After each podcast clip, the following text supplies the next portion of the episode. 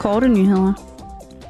I går markerede Europaparlamentets medlemmer 70-årsdagen for oprettelsen af det europæiske kul- og stålfællesskabs fælles forsamling, som er udgangspunktet for det Europaparlament, vi kender i dag.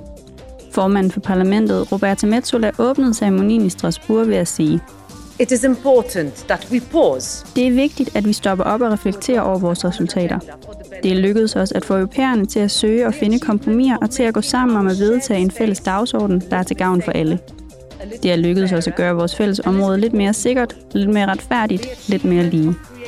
Det er lykkedes os at skabe en union af rettigheder, værdier, solidaritet, lighed, fred og håb. Of peace, of hope.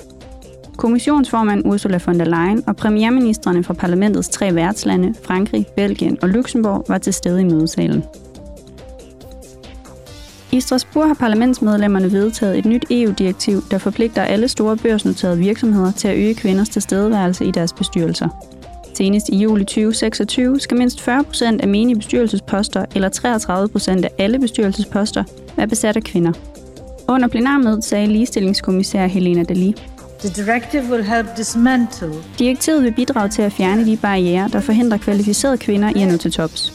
Vores investering i kvinders uddannelse, såvel som kvindernes investering i deres kvalifikationer, kan kun give langsigtet afkast, når kvinderne bliver set, værdsat og behandlet som ligeværdige på alle niveauer i økonomiske, sociale, professionelle og offentlige liv. professional and public life. Vedtagelsen af direktivet er et skridt på vejen mod ligestilling mellem kønnene i EU. I mødesalen drøftede parlamentsmedlemmerne også, hvordan de skal reagere på den stigende undertrykkelse af protesterne i Iran. Under åbningen af mødet sagde Roberta Metsola, at parlamentet på det kraftigste modsætter sig dødsstraf og den voldelige undertrykkelse af legitime protester. Hun tilføjede derefter følgende. In response to the unacceptable Iranian sanctioning of members Som reaktion på de uacceptable iranske sanktioner over for medlemmer af Europaparlamentet vil jeg gerne meddele, at der foreløbig ikke vil være nogen direkte kontakt mellem parlamentet, dets delegation og udvalgene og de officielle iranske modparter.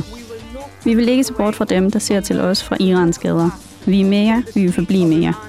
We are with you. We will stay with you. Demonstrationerne i Iran har allerede stået på i over to måneder. Mere end 300 personer er omkommet som følge af regimets brutale undertrykkelse, og mindst fem personer er blevet dømt til døden.